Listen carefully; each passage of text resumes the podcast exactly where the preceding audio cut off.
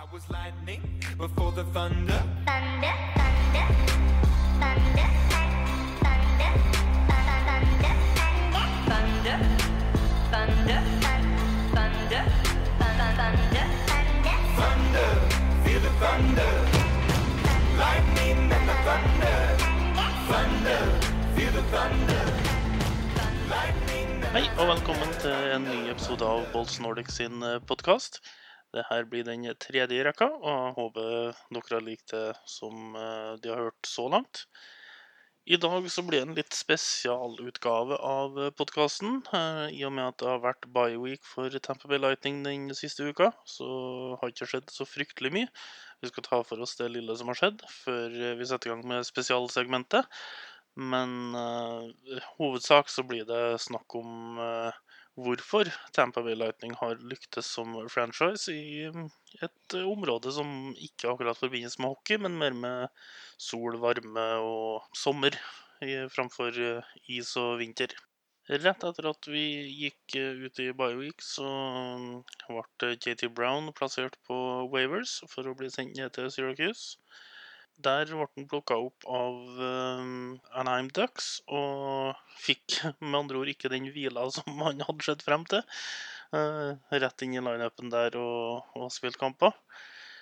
Så han fikk ikke den femdagerspausen som resten av, eh, av Tampa Bay Lightning fikk. Og heller ikke Anaheim fikk.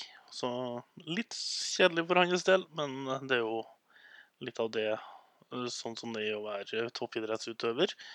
Eh, Spesielt i NHL, der du aldri vet hvor du, hvor du ender opp hen fra dag til dag, nesten.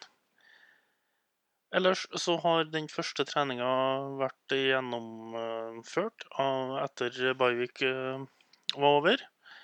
Det mest spennende der var jo å se hvordan backsammensetninga var satt sammen etter at Viktor Hedman eh, ble skada i siste kampen før pausen. Det vi ser foreløpig, er Slater Kuku som er satt opp sammen med Anton Strålmann i første par. Sergachev har blitt para med Girard i andre par. Og Coburn eh, veksler på å spille litt sammen med Dodgin og Suster den, på den første treninga, i hvert fall. Så får vi se hvordan det blir når eh, laget tar i gang igjen i kveld mot eh, Vegas Golden Knights av alle. Topp øst mot topp vest. Det kan bli spennende å se. De fleste har vel da skjønt at denne eh, episoden spilles inn på torsdag, så da har du litt å forholde deg til hvis du hører den her litt senere i uka. Hvorfor jeg ikke snakker om det aller nyeste. Det var den lille oppsummeringa av eh, nyheter som jeg skulle ha med, før vi går over på et segment hvor eh, jeg har fått input fra Roy Ulvmoen i NHL-prat. Det var han som ønska det her til meg. Eh, Han tenkte litt på det sjøl også. Jeg nevnte vel også litt i den Klubbjakten NHL-artikkelen jeg hadde um, på Bolts Nordic sine hjemmesider eh, i sommer. Men eh, takk til Roy som fikk meg til å sette meg enda litt mer inn i hele situasjonen her. Og får forhåpentligvis komme ut med litt informasjon til dere som settes pris på. Det er i år 25 år siden uh, Bay Lightning kom inn i ligaen. eh, På litt andre forutsetninger enn det Vegas uh, gjorde i år. Uh, Vi har snakka om at Vegas gjør det over all forventning i år. Og det hadde vært helt umulig for 25 år siden for Tampa Bay Lightning den gangen å gjøre det samme som Vegas gjør i år. Delvis fordi at det var litt andre expansion-regler òg. Uh, skal ikke ta noe, noe som helst bort fra Vegas i så måte. De har gjort en kjempejobb, det har jeg nevnt tidligere også, og kommer ikke bort ifra. Men eh, før i tida så var det verre å være et ekspansjonslag enn hva det er i dag. Og det prega også starten for Tampa Bay Lightning, eh, naturlig nok. De tre første sesongene var fryktelig dårlige. Og når de endelig kom til sluttspillet for første gang tre, tre år senere, så var det stor ståhei i, i byen. Da spilte de jo i gamle Thunderdome, som det heter. Det er Tropicana Field det heter per i dag, som eh, Tampa Bay Race spiller, spiller baseballkampene sine i. Og da var det over 28 000 på den første playoff-kampen eh, mot Philadelphia Flyers i, i 95-96-sesongen. Så roa det seg veldig etter den sesongen og frem til 2002 eh, Det var veldig lite suksess, og folk det, var lite folk på tribunene. Det var mellom 6000 og 8000 tilskuere på hver kamp. Og det var ikke helt det store. Det var aldri snakk om å relocate, som det heter, altså flytte klubben. Men eh, folk ble litt skeptiske til om, eh, om det var håp for eh, en ishockeyklubb å, å få fotfeste i, i Florida. Men eh, med spillere som eh, Vincent LeCavalier, Brad Richards, Dan Boyle, Freddy Modin, Marty St. Louis og ikke minst eh, Nikolai Kabibulin, The Bulin Wall, så fikk de suksess igjen i ja, Det starta vel i 2002-2003, men i 2003-2004 så vant jo laget Stanley Cup. Og det hjalp jo selvfølgelig enormt på interessen i, i byen og området. Før det da skranta litt igjen eh, etter at eh, det ble gjort noen dårlige valg under eh, ledelse av Oren Coles og Len Barry på ledersida. Og ikke minst da Brian Lawton som general manager. Det var noen omdiskuterte situasjoner med Brad Richards og Dan Boyle, som ble tvunget til å akseptere en trade uten at de egentlig ville. Det eneste den duoen gjorde riktig, eller den trioen kan jeg vel si, med Coles, Barry og Lawton, uh, gjorde riktig, var jo å hente inn Steven Stamkos og uh, Victor Hedman i draftårene 2008-2009. Så litt kreditt skal de jo også få for å, for å hente inn dem. Det er viktige spillere den dag i dag. Men den største grunnen til at Tampa Bay Lightning er, har det fotfestet de har i dag, og har en såpass stor fanskare generelt, det er um, dagens eier, Jeff Winnick. Han tok over etter uh, den nevnte duoen tidligere, og umiddelbart ansatt Steve Iserman som eh, general manager. Da skjedde ting eh, Ja, alt ble snudd på hodet, nærmest. Eh, eh, s- gjorde det første han gjorde, var å oppgradere arenaen til å bli nymoderne og flott. Eh, De har en jumpatron som er størst i ligaen, var i hvert fall den gangen. Jeg er litt usikker på om noen har kommet etter nå, men det kunne nesten sammenlignes med den som du ser hos Dallas Cowboys i NFL. Eh, ikke like stor, selvfølgelig, for det er litt mindre mm, mindre mm, forhold, sånn sett. Men eh, i forhold til arena, så, så er det på den størrelsen. Jeg har sjøl vært der og sett den levende livet og ble litt satt ut. Visen var stor, men eh, den er faktisk enda større i virkeligheten enn det du ser på TV-en. Så det, det var det første Jeff Winnick eh, bidro med, og det stoppa ikke der. For etter å ha bygd opp arenaen og gjort den fin og flott, så at det er flott for eh, folk å komme på kamp, så mm, tok eh, Jeff Winnick tak og har også gjort området rundt arenaen og i hele bydelen eh, til ja, hva skal vi kalle en mer moderne, moderne by. Det kalles jo bare Winnickville på mm, lokalspråket i området rundt ja, det som heter nå Amalie Arena. Det har jo kjært barn har mange navn. Det bytter jo navn arena i NHL fortere enn hva enkelte bytter under, underbukse. Det sier jo litt.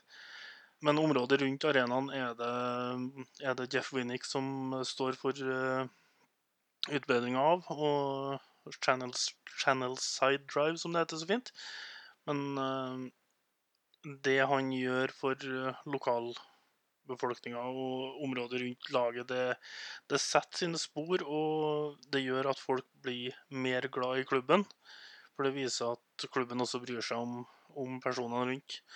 Det har Ja, suksessen har jo selvfølgelig en stor faktor, eh, sportslig sett.